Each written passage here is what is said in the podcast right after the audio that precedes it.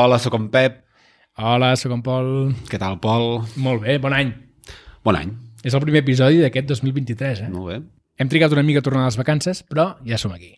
Correcte. Som aquí? Qui som aquí? A veure, va. Som aquí els de sempre, en Pep i en Pol, però com fem habitualment, tenim un convidat de luxe per intentar pujar el nivell del podcast. Perquè ens aporti criteri, Exacte. que és un amic, el que anomenem Jota. Gràcies. Fem la presentació. Sí, home. Va, Josep Maria. Bé, bàsicament nosaltres som, tenim com dues empreses, en la qual una és el Llobet, que és una agència sí. que es dedica a potenciar temes de marca, sempre centralitzat a el que és la part digital, i després tenim un, un spin-off, que és Web Agency, que és una empresa dedicada només per temes de Shopify, sobretot plantejada cara a l'exterior, o sigui, fora de Catalunya.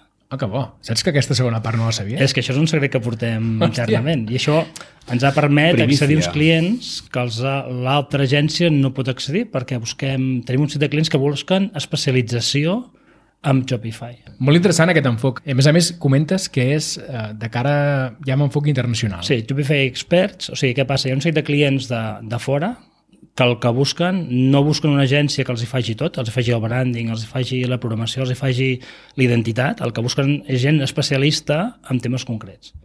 I amb la- l'altra empresa, amb és el Llobet, clar, com que toquem moltes tecles, des de SEO, SEM, CROs, etc, doncs eh, la venda ens costa molt i busquen empreses concretes per temes concrets.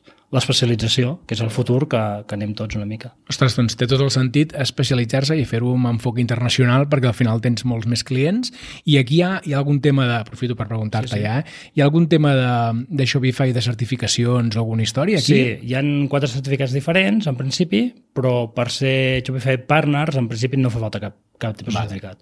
Però sí que quan entres ja a temes de ventes de, de temps o de- d'apps, després sí que necessites passar la certificació. Molt bé. Molt bé, doncs amb en Jota el que farem avui, Pep, és repassar una mica o fer una mica de... Com, com ho podem dir això? De previsions pel 2023? No, previsions és una paraula que no ens agrada. Pitonissos? No, no ens la creiem. Directament. No, no, jo crec que farem una tertúlia i punto. Uh, a tot això el, um, hem convidat a en Jota perquè és amic i perquè no ho hem dit, però tu tens perfil tècnic, sí. eh? portes la, la part així més de desenvolupament a l'empresa, Correcte. però també ets cofundador i per tant la part de negoci la tens també molt al dia. que d'una manera o altra l'hem d'anar integrant, o sigui, mm. desenvolupar porta valor a dins del departament, però al final les empreses estan gestionades per gent que han de tenir aquesta visió més empresarial, mm. més de sanital, no? de com funciona tot, de com funcionen els impostos, de com es gestiona la gent, etc. Molt bé, doncs va, anem al tajo de, de coses que estan passant i que continuaran passant, potser és una manera de definir-ho, eh? Sí. No? Bueno, hi ha algunes coses que és molt probable que passin, altres potser són una mica més agafades amb pinces, Bueno, però al final bueno. estem al principi de l'any i possiblement eh, ens podem equivocar. Especularem, doncs, va. Pot ser, perfecte. Molt bé, va, dispara. A l'hora de fer llistat de coses que passaran aquest 2023, hem decidit fer com dos apartats, no? Un primer apartat en el que parlarem d'IA, que ja sabeu que és un tema que ens apassiona, Sí. i han de passar moltes coses aquest any, Sí. i un segon apartat on hi ha moltes altres coses.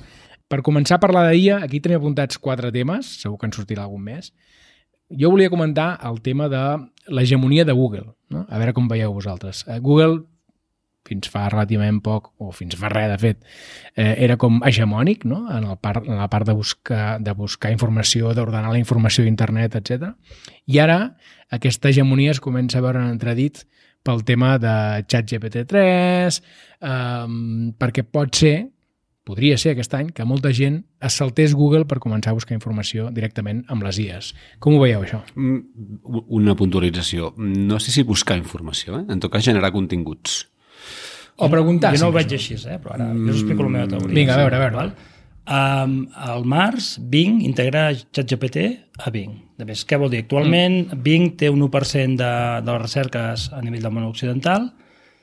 Uh, recordeu que en el moment que hi havia Altavista i van passar, o sigui, de Yahoo van passar a Altavista, no sé si sou dels anys 2000 vosaltres, i van passar... Altavista és el que molava. Sí, el que molava que es van passar a Google. O sigui, de la mateixa manera, Sí, sí. pot passar que tot, hi hagi aquesta transferència d'usuaris perquè considerin que totes aquelles recerques que són informatives, el resultat és més exacte a Bing, perquè dona una solució, tu fas una recerca informativa i et dona una solució.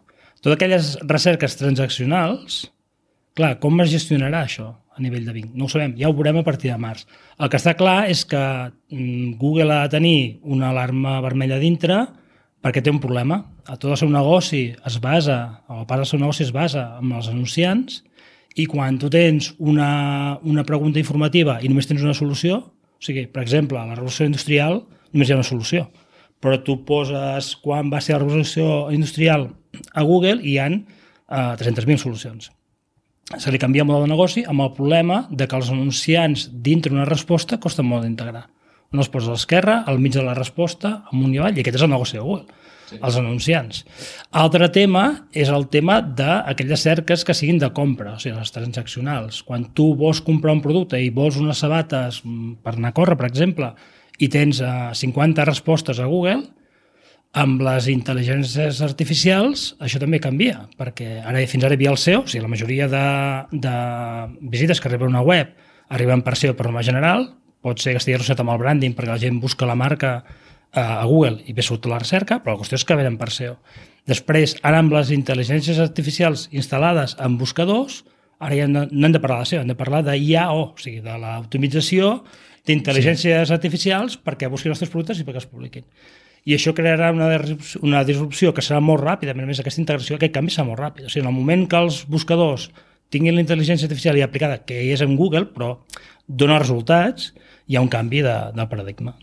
Però aquí, per, per posar les coses en situació, eh? perquè tot això ho estem comentant perquè aquest any ha com explotat no? tot el, la capa aquesta, la interfície, jo diria, no? que és una cosa que a mi m'agrada especialment i crec que és una mica el factor diferencial amb el que ha vingut passant fins ara d'OpenAI, no? amb el ChatGTP, amb les versions aquestes que han anat sortint, que al final és una intel·ligència generativa, que jo crec que això és interessant també tenir-ho present, que és un catxarrot que donades un, una entrada d'informació, que pot ser a través d'un xat o de Discord o del que sigui, et genera una informació que abans no existia, és a dir, la crea del, entre moltes cometes, del no res que és molt diferent d'un motor de cerca que aplica la intel·ligència per oferir-te un agregat de respostes amb la millor conclusió a la que pot arribar, per exemple. Sí. Vale?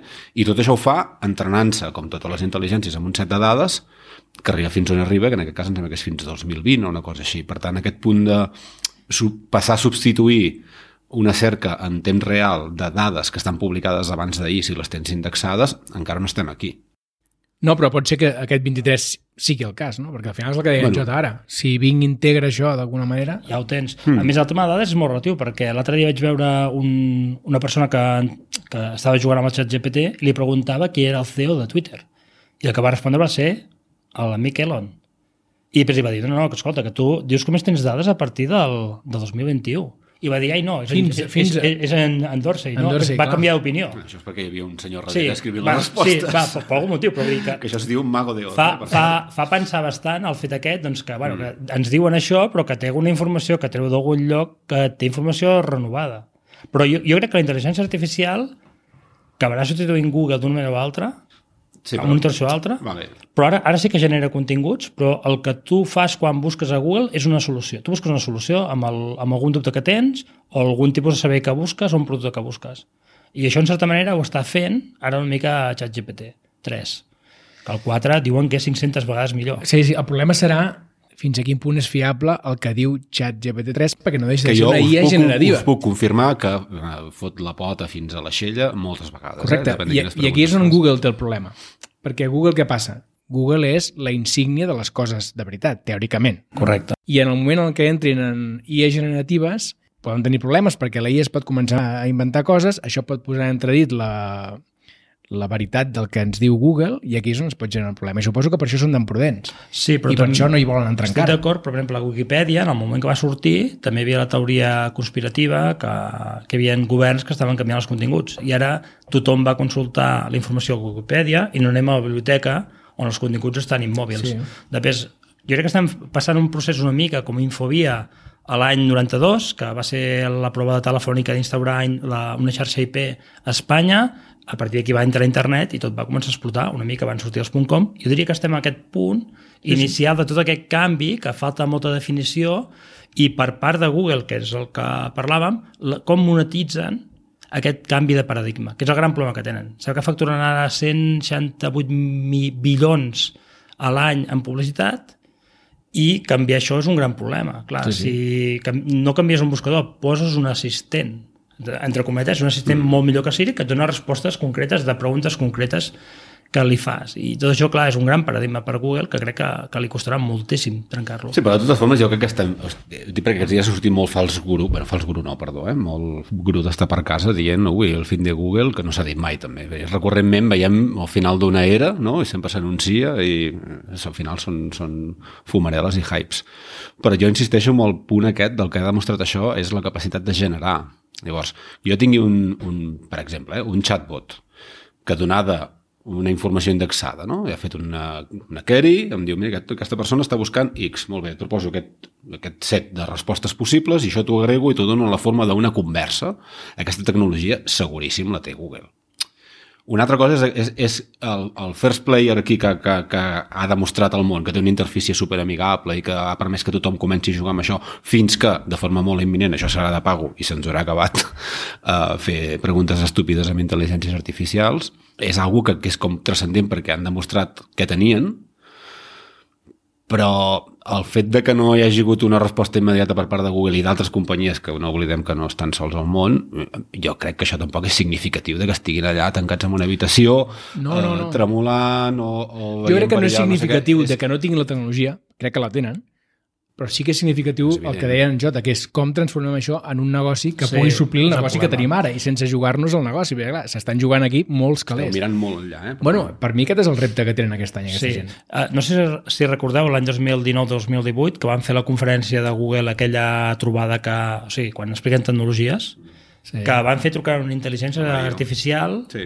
A un restaurant per de fer un book, de, per fer una reserva de taula. Sí, I, va fer, I la persona que va agafar el telèfon no sabia que estava parlant amb la Sí, intel·ligència. la intel·ligència va fer un Sí, inclús, exacte. O sigui, que tothom es va quedar glaçat. Eh? Sí, i, i es pensaven que això arribaria aquell mateix any. O sigui, jo crec que la tecnologia la tenen, el que passa és que tenen un problema de temps ara a Google, que ha sortit una eina, que és el GPT, a través d'OpenAI, amb, amb, amb uns 5 anys abans del que pensaven que sortís, o amb 10 anys abans que pensaven que sortís a nivell públic. I això és el problema que té Google. Ha sortit una eina que els ha sortit de cop, on ha adquirit molts milions d'usuaris, crec que són 4 o 5 milions d'usuaris, en dues setmanes van ser, va ser molt ràpid, i ara tenen un problema que no saben com frenar aquesta sangria. Perquè, per exemple, l'estat de Nova York ha prohibit als estudiants utilitzar el xat GPT. Sí. O Stack Overflow també ha prohibit el tema del xat Jo veig més interessant l'impacte de, uh, no de ChatGPT, sinó d'aquestes tecnologies que d'aquí dos anys Sí. sí. seran, estaran hasta la sopa, en models molt clàssics que ja fa molts anys que tothom està dient ui, que l'educació patirà perquè la digitalització no l'estem assimilant bé o no sé què, no sé què. Veig molt més interessant l'impacte en, en, en aquests àmbits, per no parlar del SEO i aquestes coses, que, Sí, sí, sí. sí. que no ens hi fotem perquè, déu nhi que no en qui mou primer. Perquè aquests dies també s'ha parlat molt eh, que Microsoft, que per cert, per posar-ho una miqueta en context, Microsoft i OpenAI no és un matrimoni casual, sinó que aquesta gent ja fa bastants anys, amb, per exemple, també amb Amazon, que també formen part de, del grup d'empreses que van motivar que això arrenqués, i van posar diners, però van posar també una cosa que fa molt sovint Microsoft, que és, eh, mira, jo et dono eh, 500 milions d'euros per contribuir a la causa de desenvolupar eh, la part de non-profit, perquè suposadament OpenAI és non-profit, però resulta que non-profit també té una part que és profit. I jo, en comptes de donar-te diners, el que et donaré serà eh, temps d'ús i de càlcul de les nostres màquines que corren a Zure com uns bojos i, per tant, eh, surten guanyant sempre, perquè el que tens és molta informació de com evoluciona allò, tens aquell projecte agafat perquè està corrent sobre la teva infraestructura i, de fet, ara que hi ha hagut una segona ronda, per dir-ho d'alguna manera, ha tornat a utilitzar la mateixa fórmula. Llavors, evidentment, volen un retorn d'això. No, no, clarament. I seran una part molt important a nivell d'accionariat d'aquesta part de, de profit. Eh? I amb tot això ho explicaven dient i estem molt a punt de tornar a recuperar el concepte aquell tan meravellós, ara que et ficaves viejuno, Jota, del clip uh -huh. de l'Office, sí. eh? aquell element que tothom detestava perquè no servia per res, i et saltava constantment, i, i hi ha algú que està aventurant que, hòstia, recuperarà aquesta figura, que segur que no, eh? per integrar-ho ja, i a mi això i, i aquí sí que ja vaig de, vaig de fer previsions, eh? però em dona una grima només de pensar és a dir, hem vist experiments d'això. Google mateix et proposa textos a, a Gmail, no? A un, aquests punts d'autocompletar coses. L'altre dia, bueno, fa uns episodis comentàvem que Notion també havia integrat sí. aquesta funció. Uh, jo crec que s'ha de fer molt bé perquè això entri bé en un, en un flux productiu. d'algú. I la gent, sobretot, hi hem d'estar acostumats a fer-ho. Llavors, d'aquí a que això realment comenci a generar ostres, algú molt seriós, Uh, quan et mires Google, que són especialistes en, en aquesta filosofia més startupera, de llenço una funcionalitat que la tenim tastada fins a la mèdula i només fa allò i, i no en faig una altra fins que, no? que són molt pragmàtics en aquest sentit, i jo crec que veurem dos estils molt diferents d'implementar aquesta tecnologia i, i jo, no sé, jo el de Microsoft encara no m'acabo de... Bueno, anirem veient. Em fa una miqueta de por, saps què vull dir? Sí, sí, jo crec que aquí has apuntat diverses coses interessants que passaran en aquest 23, que és hi haurà segur molts debats, ètica i IA, no? uh, autoria i IA, hi haurà moltes coses aquest 23 perquè passaran moltes coses. Mm. Uh, S'haurà de veure qui aplica què i com ho aplica i amb quina velocitat i amb, quin, amb quina fiabilitat, perquè al final també pot passar... I amb que, quin encert. I amb quin encert, perquè també pot passar que es, es comencin a connectar IA generatives a internet, que fins ara, ChatGP3 és el que dèiem abans, té informació fins, fins al 2020 o 21, sembla, per tant, informació entre cometes, controlada, en el moment que s'enxufi això a internet i la informació a la que té accés la IA sigui tota i pugui ser també informació generada per altres IAs, aquí es pot començar a generar un, un, un cicle viciós molt perillós. I models de negoci de molt tipus diferents. O sigui, mm, sí, sí. Uh, o sigui, jo crec que inicialment les IAs aniran especialitzades per àrees concretes. Tindràs la IA del Word, per dir alguna cosa, però pot ser que al final tu tinguis la teva IA personalitzada per tu mateix, on et coneixi tu mateix, tu paguis una tarifa com Netflix i sigui el teu assistent per realitzar 50.000 feinetes. Mm. O sigui que aquí hi ha moltes... I ves, quan passi això, el concepte que ara tenim d'internet canviarà, perquè potser el fet de les webs no tenen molt sentit. Per les webs, al final, què és una web? És un catàleg informatiu. Per a empreses sí que serà important, possiblement, però hi ha un conjunt de webs que ara són d'omplir de SEO que no tenen sentit. La, invento, eh? Les 10 millors cadires, els 10 millors no sé què, sí, els 10 sí, millors això micros. pots respondre a la IA Exacte, directament. la IA dirà, no, per lo que tu utilitzes a la cadira i el micro necessites Sí, sí, sí. aquest, tens a donar una solució única. Sempre i quan la IA sàpiga que tu només vols tenir una selecció. Pot ser que un usuari vulgui tenir 10 opcions per triar. Però aquí torna a cobrar molta importància quina és la font que fa servir la IA. Sí. No? I, aquí és on hi haurà el que sí, deies tu abans de la... Sí, de l'optimització per posat IAO, sí, no? Ja. Sí, IAO, sí, sí. sí. Optimització per IA, sí, sí. que és quines fonts li dono jo a la IA perquè quan hagi de donar recomanació de cadires, recomani la meva cadira i no la d'una altra. No? Sí, aquí, aquí hi ha molta cosa per comentar i crec que en el fons, com que les IAs generen contingut, els continguts de les empreses que vulguin competir per vendre productes seran d'una bona qualitat tots, encara que estiguin produïts per IAs. Però aquí hi haurà un element que no podrà fer una marca de l'altra, que és l'experiència d'usuari. I aquí és on crec, on l'IA també valorarà les experiències de compra d'altres usuaris i on s'acabarà potenciant els productes. O sigui, si tu i jo venem el mateix producte i tots, tots dos tenim bones fotos, tenim bons textos i tenim bon màrqueting i bon branding, per què a mi em compraran o no? Un, pel màrqueting bon, perquè tindràs un, una atracció més gran que la meva o no, i l'altre perquè la gent opinarà del teu producte coses molt bones. Que això ja passa una mica amb, amb Amazon. Bueno, és el CEO del futur, això. Exacte, Sí. exacte, és el seu futur. Al final, el model de negoci de Google... El model de negoci no, perquè al final que entrarem en temes de publicitat, però el valor que aporta als seus usuaris és servir informació en base a una necessitat teva. I això és el que farà la IA. La IA et donarà propostes concretes molt més centralitzades que tu no hagis de buscar. O sigui, et farà la vida més fàcil. I com que farà la vida molt fàcil, crec que per això mateix la implementació serà molt ràpida. Però una cosa, ho farà la IA sumant un, una base de coneixement molt àmplia, no? amb resultats Correcte, que et poden sí. aplicar, més un perfil teu. Exacte. Aquest, això és el que falta ara.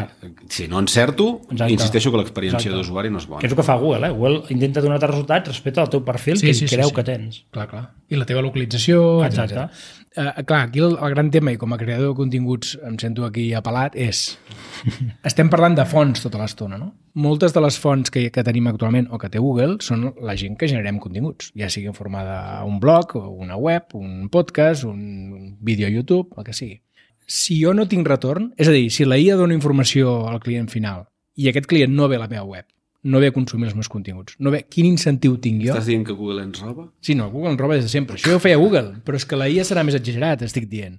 I el que estic dient és, quin incentiu tindré jo com a creador de continguts si la IA no m'acaba portant a mi gent que visiti els meus continguts? És que potser els canals per vendre els teus continguts seran diferents. O sigui, potser no serà una web.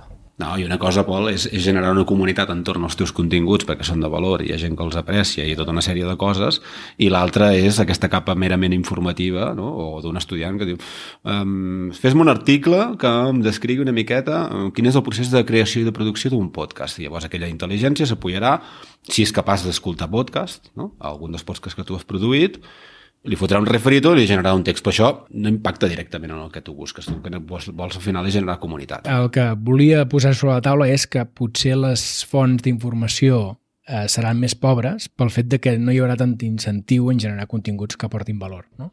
Sí, però Això pot arribar a passar. potser estem pensant amb la intel·ligència artificial de GPT-3, però, per exemple, abans d'ahir jo mirava un article a Twitter d'un- d'una persona que deia que a través de, no sé si era TensorFlow o quina eina, s'estaven creant nous algoritmes, però ja els feia la intel·ligència... O sigui, yeah. vull dir que possiblement la pròpia intel·ligència artificial és capaç de derivar i crear coses noves, com Sí, sí, sí. ara una mica passa. De fet, aquest problema de continguts ara està passant amb Getimage, que té una demanda contra uh, Stable Diffusion, si mm. no vaig mal errat, el qual, doncs, clar, li reclama que les imatges que genera Stable Diffusion provenen del banc d'imatges d'aquest image. Pues, clar, Perquè han agafat com a font com a, això és el que Clar. creuen ells. Després de mostrar això, clar, al, al, al final és aquest concepte que jo sempre havia pensat que la creativitat mai es podria substituir per una intel·ligència artificial, però això està passant actualment. O sigui, la creativitat, tal com la coneixem, que és una inspiració d'idees i una transformació cap a una tercera idea, doncs això ho està fent la intel·ligència artificial. Això, qui, qui té l'autoria d'aquesta creativitat? L'autor 1, perquè tots els pintors s'han inspirat en algú i, el- i ells mateixos creen un estil que el van evolucionant. I aquest concepte d'evolució és el que està fent la intel·ligència artificial. Està fent unes dades, les està evolucionant, però l'autoria de qui és? Del sí. primer que va fer la foto, del primer que va fer el dibuix, del primer que va fer el text, i haurem de pagar els creadors de contingut? O utilitzareu vosaltres les eines aquestes per crear uns continguts per evolucionar els vostres canals, els vostres mitjans de comunicació? Sí, sí, per això deia abans que hi haurà molt de debat també Clar. aquest 23 entorn Clar, a l'autoria no? i a l'ètica de fer servir determinades fonts o, o no, o utilitzar continguts d'altri per inspirar-se Clar. o per evolucionar-los. Tot això serà un debat, jo crec. Ara, de fet, passa a YouTube, no? que hi ha molts vídeos que estan generats per IA, tant el tema de textos Sí, sí. com el tema d'imatges que, i el tema de veus. Uh, Microsoft treu el Valle, que és, que és aquest uh, sintetitzador en el qual 103 segons d'un to d'una persona I és capaç d'imitar. i et sintetitza tot el text del que mm. vulguis. No? No, de fet, aquest podcast el podríem haver... Sintetitzat tot, sí. sí, sí. sí. I, i, I, i, les illes, escrites. perdona, i les illes que parlin. La gent que ens està escoltant com sap que en realitat som nosaltres que estem aquí o és una IA que I està... com sé que vosaltres tots sou humans? Passem, si us sembla, al bloc d'altres coses. I el primer tema fa molta gràcia perquè, a veure en Jota què diu, Que bé eh? que indexem els temes, eh? El primer tema eh, jo crec que és que es demostrarà aquest 23 i crec que el 22 s'ha demostrat bastant que el tema del kit digital és un despropòsit absolut. Molt bé, com ho 30 segons per aquest tema, uh, sisplau. és un desastre, però és un desastre de la manera que està plantejat i està fet expressament.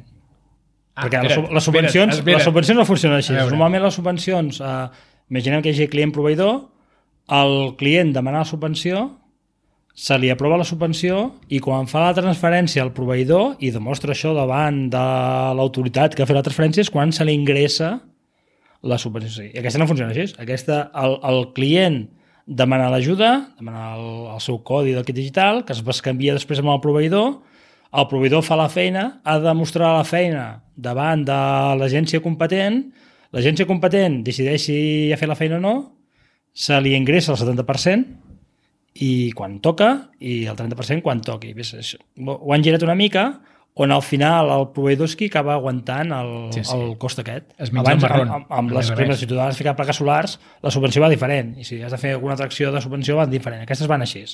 I està fet expressament. La documentació que et fan ficar les, les traves que, que trobes, la gent que tenen a darrere contestant al telèfon que no saben ni què estan venent, o sigui, venent com a subvencions, està fet expressament. I la sensació que tinc és aquesta. És una mesura política a la qual les polítiques els agrada molt i hem donat 3.000 milions a la tecnologia, a la informació, el que sigui, però la veritat No, no et pensis que sigui tan diferent. Hi ha moltes convocatòries que, que t'exposes a un risc que, que realment no acabes resolent fins que justifiques i hi ha un dictamen de l'autoritat. De totes formes, jo expressament, evidentment no ho diré, però sí que si entenem que això al final són diners, no? que venen d'on venen, i que tenen l'objectiu de digitalitzar pimes i totes aquestes coses, eh, l'objectiu per si és, és una bogeria. És a dir, fer això d'una tajada és com molt complicat, hi ha moltes maneres d'incentivar-ho. I aquí van tenir diverses dificultats. Primera, que és un país amb moltíssimes pimes i això com que costa molt, i segona, que jo crec que inicialment el model eh, era una mica el de sempre, que és via grans consultores i empreses amb molt múscul, bueno, pues que desplegaran servei, servei, servei i nosaltres els hi pagarem part d'aquest cost no? perquè ho, ho percebin aquestes pimes. Problema, que evidentment aquí va haver-hi moltes queixes, recordeu que hi havia un llindar de facturació al que accedir i no tenien al cap que empreses tan petites no, eh, poguessin acabar-se posant a dintre del kit i clar, tot això complica tota la part administrativa eh, gent que no està acostumada a afrontar aquesta part no sé, clar, és, és, massa, és massa enrenou I, i a part que les eines que té el govern per gestionar tot això no, no, són clar. un desastre si tu, tu entres a Hisenda no, per dir alguna cosa, números, eh? eh? social i és un desastre no pot ser àgil eh, amb els números que manega això Bueno, respon al que deies tu abans, que un, els polítics de torn repartirem no sé quants milions Sí. per digitalitzar És i molt a partir trist, d'aquí els que hi ha eh? darrere s'han d'espavilar per fer-ho Sí. amb els quatre mitjans que que tenen. segurament al Ministeri han agafat 200 persones noves per gestionar tot això i han donat, tenen clar. 200 uh, votants més, possiblement, però al final... O sigui, tampoc no sé quan apliquin aquest, aquest digital i, i es gastin tots els diners, com, quina mètrica tenen per veure aquest retorn de la inversió. Al final això és una inversió que dona Europa, Com que s'ha de veure no? Exacte, com mesura tot això? Perquè, clar, si les eines d'implementació ja són complicades, les de càlcul del retorn aquest són inviables.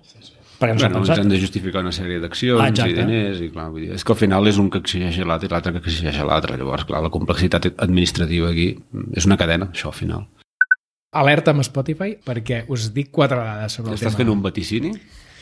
Bueno, si més no, poso l'accent sobre Spotify i que posem l'atenció sobre Spotify, que la majoria de, gent no sap eh, el risc que està corrent ara mateix Spotify. No? Bàsicament, primer, que hi ha un tema del valor de l'acció de Spotify que ha caigut un 70%, un 80% des del seu màxim històric, que això s'explica bastant per l'entorn. És a dir, en general, totes les tecnològiques, les accions han caigut, per tant, no és una excepció a Spotify, però és que, a més a més, s'afegeixen diverses coses. Primer, el 2019 Spotify va basar totes les seves inversions i tots els diners que ha aixecat en unes previsions que situaven entre els 2 i els 3 bilions de persones, els potencials clients que tenien Spotify.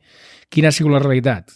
La realitat és que tenen 456 milions d'usuaris, que déu nhi D'aquests, 273 són gratuïts i 195 són de pagament.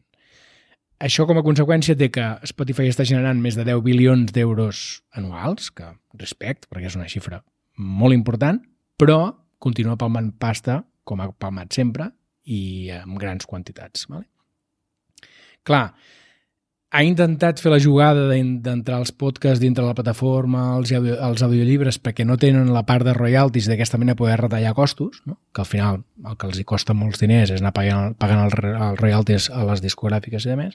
Això no els ha acabat de funcionar i ara es troben que la inversió està canviant. No? La inversió fins ara era una mica més salvatge, diguem-ho així, una miqueta més alegre, i ara els inversors estan una mica més conservadors i busquen empreses que siguin més rentables. Llavors, Spotify ha tirat molt d'inversió durant aquests anys, ha anat cavant un sot molt gran i tot el seu model de negoci està basat en pagar molts drets i s'ha de veure si seran capaços de revertir això en algun moment i convertir-se en una empresa rentable o aquest forat va creixent, va creixent, va creixent i arribarà un punt que no en podran sortir.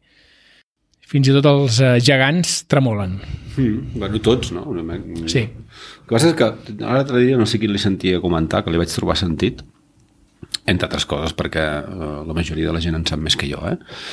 I, clar, hi ha, hi ha un tema conjuntural, no? A nivell de crisi i de mil històries dolentes que passen al món, que això, evidentment, impacta totes les empreses, però n'hi havia una altra que vaig, vaig pensar, ostres, és molt evident, que és que fins ara hem vist com totes aquestes empreses, els grans players dels diferents sectors, han estat cremant diners a fondo mm, per moltes coses, però sobretot per créixer quota, quota, quota, quota, quota. Vale? I clar, mires enrere i dius, ostres, doncs que potser fa un, dos anys o tres que aquesta quota ja, és a dir, cadascú té el seu lloc, allò de créixer indefinidament no té sentit. Vols dir que us, eh, no sé, Google, si posa no sé quants diners sobre la taula, obtindrà un quart més del mercat? Hosti, no. El, que- veurem ara són trasbassos de gent que està en Microsoft no? i que del team salta al Workspace i viceversa, però les quotes que el mercat està bastant colmada. Llavors, arribat aquí, amb plantilles sobresaturades que estaven orientades al boig, no? a fer aquests hipercreixements, mm. arriba un moment que dius, "Eh, això ho he d'estabilitzar perquè el meu model canvia. i les normes ja no van de ser el primer o d'ocupar més quota. Llavors, clar, passa que tothom està fent acomiadaments, Microsoft també. Sí, sí. Entre i, Amazon, amb el dir- tema d'Alexa també molt. Amazon molt forts ja els hem comentat, uh, Google evidentment, llavors, uh, clar, això on et porta? Que quan estàs en aquesta circumstància, doncs, part d'aquests milions que, que deu, per dir-ho d'alguna forma, Spotify, que venen de moltes fórmules, però també és d'aquesta necessitat de créixer, i potser has crescut amb un model erroni que fa que aquells beneficis que tu els havies fixat en base a un paràmetre que era 2 bilions d'usuaris i ningú va veure que aquests 2 bilions d'usuaris no hi tindràs accés. No hi serien. Perquè el mercat no... no... I potser també hi ha un tema de rendiment, o sigui, al final aquestes empreses que facturen volums molt alts, quan ja estan mantenint aquesta facturació i tenen increments petits, potser decideixen netejar plantilles.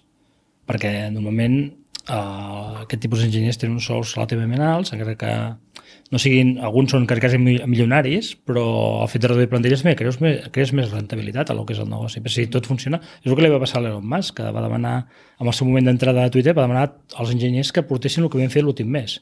Hi havia una gran part que devien ser managers i no van portar res. Després, al final, si tens molta gent que no està, està fent d'oficinista, que diguéssim, doncs potser aquesta gent et sobra, perquè això ja quedarà reemplaçat per IAS o per el que sigui més endavant. La previsió és que Twitter probablement, a l'amic Elon, probablement li interessi que en algun moment Twitter faci fallida per poder-se beneficiar després de renegociacions de deute i històries d'aquest tipus. És independentment de que Twitter millori, que jo crec que està millorant, eh, pot ser que li interessi en algun moment fer-lo caure, no?, per després tornar-lo a aixecar en millors condicions. Veurem. Molt bé. I ja que parlem de grossos, és que sempre acabem parlant dels grans, eh? Com comencem? Uh, Apple, que és el país de les meravilles. Apple no li passa mai res dolent. Almenys tenen una política, eh? que no, no els agrada eh? parlar Bueno, de coses tenen dolentes. sort que treuen un producte, té seguidors molt fidels i això Sí. també ajuda molt, després al final. Sí, sí, sí. Tens productes provats, entre comedetes, innovadosos i que tens seguidors, tens la venda feta. El problema és el tema de preus. No parlem de l'iPhone 14, Pro Max, però bueno, sí. els hi funciona. Tot i que sempre tenen aquesta postura conservadora, eh? d'anar amb molta calma, de fer-ho amb molta tranquil·litat, d'anar moltes vegades per darrere de les novetats eh, o treure-ho molt més tard, no? Però bueno, van, van funcionant, facturen molt, i ara sembla que aquest 23 eh, sortiran les Apple Glass. Veurem a veure què aporta de nou però això és una Apple no? Glass, Sí. no? Té poc sentit tenir una caixa rectangular a la butxaca anomenada mòbil, potser. O sigui, hi haurà un moment que potser no tindrà sentit tenir un mòbil a sobre i potser té més sentit tenir unes ulleres a sobre. Sí, el que passa... depèn l'ús. Cert, el que passa que Apple ja ha dit que aquestes ulleres que presentaran no venen a substituir No, no, el mòbil, no. ni venen a ser És- un objecte que forma part del seu negoci, està ni clar, venen eh? a ser un objecte que tu portis en el teu dia a dia. Eh? Ells ja han dit, han dit específicament que serà un dispositiu pensat per mm, jocs, comunicació i consum de continguts. Clar, però el consum de continguts és el que fa la gent amb el mòbil, per norma general.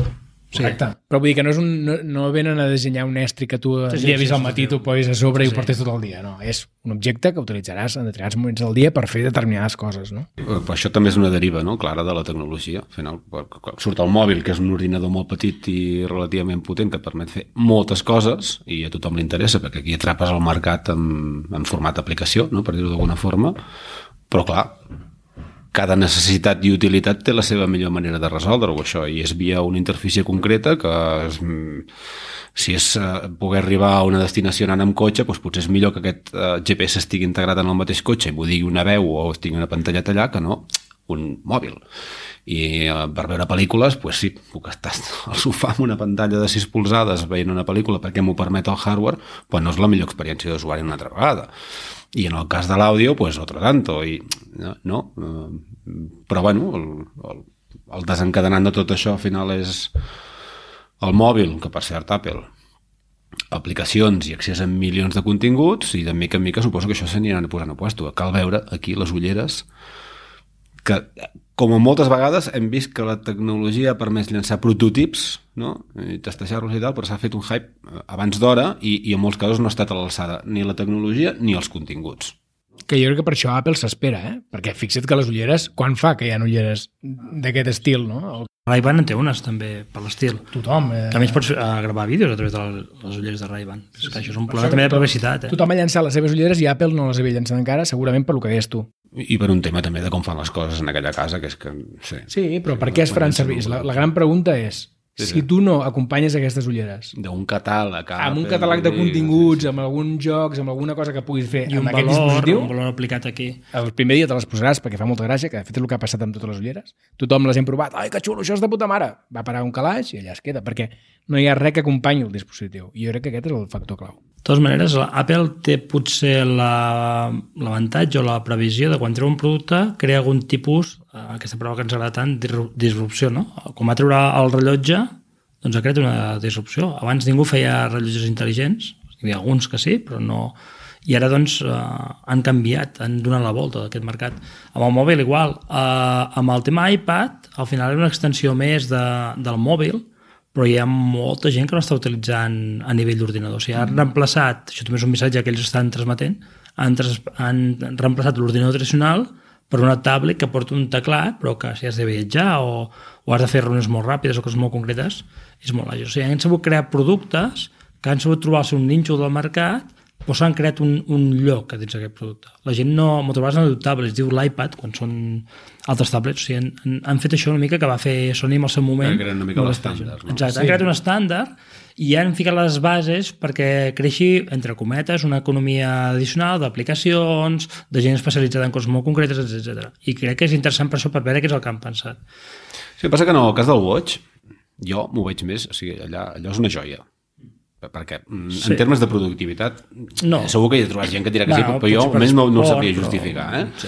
I, i en temes de oci o de, diran salut no edat, doncs, mm, tampoc ho veig que estiguem en el punt aquest de que això ho, ho necessito no? Sí, però han creat un producte... que la i les ulleres ves que no vagi per aquí també, eh? que sigui un petit luxe Sí. dins del catàleg d'Apple eh? Segurament. Jo, per mi, la clau és el que dèiem abans, que quan treuen un dispositiu l'acompanyen amb un ecosistema. Ja va passar en el seu moment amb l'iPhone, no? Que és, quan va sortir l'iPhone, Bueno, va sortir l'App Store amb és les que, aplicacions. és que què va ser revolucionari, l'App Store o l'iPhone? És la gran pregunta. Segurament tothom et, respondria l'iPhone i no tinc tan clar. I llavors, el tema és aquest. Jo crec que per això s'han esperat a treure les ulleres, perquè quan les treguin l'acompanyaran d'algú, que s'haurà de veure què és aquest algú. I això és el que serà per mi més interessant que les pròpies ulleres. No? Clar, i també hi ha una part de tecnologia que acaba sent important, perquè al final aquests dispositius van en bateria i també aquestes bateries han de tenir un mínim de duració. No pot ser que unes ulleres et durin 5 hores. Com a mínim ha de durar tot un dia. Bé, i un tema de processament, perquè si l'experiència és veure una pel·li, ok, però si has de jugar, Ha de processar molt i, i si vols que no estigui connectada a un ordinador, que entenc que és per, per aquí per on van, doncs clar, ens tenen una capacitat de processar important. Clar, però- molt poc espai. Però fins i tot imagineu que estiguin orientades a consumir continguts de xarxes, de, de, o sigui, continguts de- d'Instagram. Clar, la manera que es visualitza a l'Instagram al mòbil és una, però si s'ha de fer amb unes ulleres ha de ser diferent. Per tant, aquesta interfície també s'ha de transformar i això té, a, a part de crear nous, uh, nous desenvolupaments, doncs té, té història. I o sigui, la interacció usuari-ulleres també ha de ser diferent. I això s'ha de crear, o sigui, o sigui per tacte, o sigui per els ulls, pel que sigui, o per veu.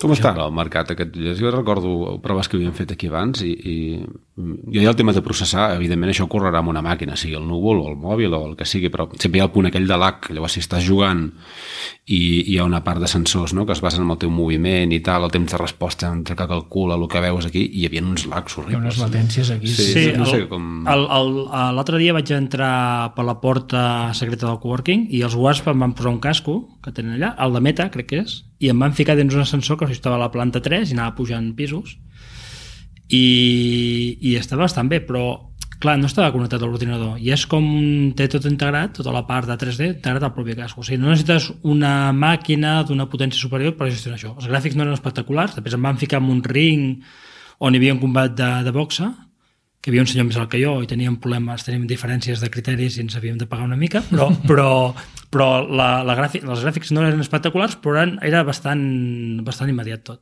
O sigui, no hi havia aquest lag de- d'abans amb l'elf eh, que havien posat el casco, que havia el cable aquell que activava i tot plegat, sinó que era una cosa ja una mica diferent, avançat. No, no, clar, segurament i, i, i el que avançarà, no? En poc temps segur que serà molt, molt espectacular també. Bé, en tot cas, mm, atents al llançament de les Apple Glass i atents a tot el que acompanyi el llançament de les Apple Glass, que per mi... La quinota aquesta té data ja, això? Que Crec que no. Hi ha rumors varis i Primavera, no? diversos, però no. De moment no. Va. I després teníem un altre, que aquesta segurament emprenya molt en Pep, que és el tema ens de les agrada. constel·lacions de satèl·lits d'internet que aquest 2023 inundaran I l'atmosfera el terrestre. 24 i el 25 I el 24 i el serà un 25. desastre això, sí, sí. Eh, Basura espacial, bàsicament. Sí, sí, perquè bueno, Starlink va com un coet, mai millor dit, perquè està llançant molts satèl·lits, ja ho ha fet aquest 22, però és que a més a més eh, OneWeb ja està llançant satèl·lits, ara el Amazon em sembla que suma tot això i començarà a La llançar Xina, la seva la Xina pròpia punts, constel·lació, també, eh? la Xina també, vull dir que bueno, això serà un festival de llançaments i de satèl·lits sobrevolant la Terra. Sí, sí. Direm, un, ens quedarà una noche bonita. Però veurem passar trens de satèl·lits constantment. Torna a ser una altra vegada un moviment d'aquells per ocupar un espai del mercat, que si no l'ocupes tu l'ocuparà la competència, i llavors en tot cas ja acabarem de pensar eh, com es rendibilitza, com es manté i quina capa de serveis desplego jo aquí, perquè no oblidem que l'accés a internet fa molt temps que és una commodity i, i tots els players que fa 10 anys et cobraven per accedir a internet ara estan més preocupats perquè els paguis pels seus continguts no? que no pel propi accés, que al final és una fórmula és el sine qua non perquè tu puguis pagar per unes pel·lícules, per entendre'ns. Llavors, Hi ha dades de Starlink? O sigui, hi ha... sabem quanta gent utilitza Starlink? Uh, Però dubte, eh? no sé si està agregat Sí, sí, això. sí, sí, eh, ja hi havia la data. Ai, la data, em sembla que era Sí, bastant perquè- espectacular, eh? No sé si ja tenien 100.000 o... Clar, però això, al final saber el cost d'això, sumar, restar i saps si és rentable o no. No, no, o sigui, clar. Que, han, han desplegat tot això, però després ara falta rendibilitzar. En el cas de Starlink està... és el model de negoci de SpaceX, eh? clarament. És a dir, ara mateix, gràcies a Starlink, estan podent finançar molts dels llançaments que estan fent. I llavors, a part de vendre el servei de tirar-te el teu satèl·lit a on sigui, no? o la teva càpsula, o el teu que sigui, doncs home, estan rendibilitzant gran part dels seus llançaments amb això. Per tant, és una altra bona jugada de la Miquelon, eh? Sí, però, sí, però jo crec que o sigui, la bona jugada ve d'ocupar, eh? Sí, Espai sí, sí. de mercat, perquè no, no oblidem que per operar amb Starlink necessites un catxarrot. I, i, Sí, sí. i, i, tota aquesta capa de servei està molt immadura per la part de l'usuari, perquè això té molt de sentit en una zona rural o on hi ha dificultats o el que sigui, i he d'esperar que em vingui el kit a casa, muntar l'antenota aquella, una sèrie de coses que ara és com molt farragós, i tard o d'hora acabarem veient com els, els telèfons es connecten a satèl·lits. De fet, els iPhone 9 ja poden fer les trucades d'emergència via satèl·lit, si Sí. no vaig equivocat. Però aquí hi ha, on hi ha sentit que l'amic Elon faci un telèfon també, no? O sigui, si tens al final la No, però serà un, connectivitat- un estàndard de la indústria. Podria no? ser, Sí, però, però, però, però ell tindria el tot el 5G cercle. eh, fa, 5, Sí. fa 10 anys era ciència-ficció. Sí. No, aquestes latències i, i aquest cabal de dades i tot això era molt, molt heavy i ho acabarem veient. Però l'Elon té Twitter, o sigui, té, té la xarxa social. Si tingués el mòbil i ja té la connexió, ja podria vendre tot el pack. I té els coets. dels que coets. això és el més o sigui, important, eh? Ojo, pot fer el cercle complet. Sí, o sigui, sí, té, els, té, té, la, té la internet, que diguéssim, tens la xarxa i més tenint, tenint el telèfon que la gent te'l compraria, si estigués bé, ja ho tens tot, ho tens tot fet. Els hi vens la quota mensual, més el telèfon, més els serveis, més la publicitat. Podria ser. Podria ser. Ens ho trobarem, tu. Ja ens Si trobarem. ens sent, que ens pagui Home, un percentatge de... com- Algo, Només per la idea, La la idea, idea. és, home, la idea val diners, la idea Home, val, segur que i val tant, diners. I tant, per suposat. Això molta gent s'ho creu, eh, que les idees valen diners i quan Sí, no valen sí, res si no estan realitzades. Sí, fins que no t'hi poses a I fer-les no valen absolutament I res. facturen alguna cosa no, no val res. Correctíssim. Doncs eh, això és el que teníem llistat. No sé si hi ha alguna última cosa que, que creieu que, que pugui passar aquest 23 i que valgui la Podria pena ser, destacar. podria ser que canviés la sintonia d'aquest pot. Podria ser que canviés la sintonia. Però no puc garantir-ho. Jo opino, m'agradaria que canviés la sintonia. També? Sí, perquè Vinga, doncs la que hi ha no... Vinga, va. Dos contra un. Ja ens ho trobarem. Doncs l'haurem de canviar. Molt bé, nois, doncs uh, fins aquí l'episodi d'avui. Uh, Josep Maria, gràcies per la teva A visita. vosaltres. Seguiu-nos, recomaneu-nos, ens podeu enviar per WhatsApp als vostres amics, als familiars, a la tieta, a la iaia, al cosí. Mira quin podcast més xulo, que això sempre Que ve potser sortejarem unes Google Glass Ah. el 2023. Bé. Ens retrobem d'aquí 15 dies. Gràcies a tots. Una abraçada. Adéu.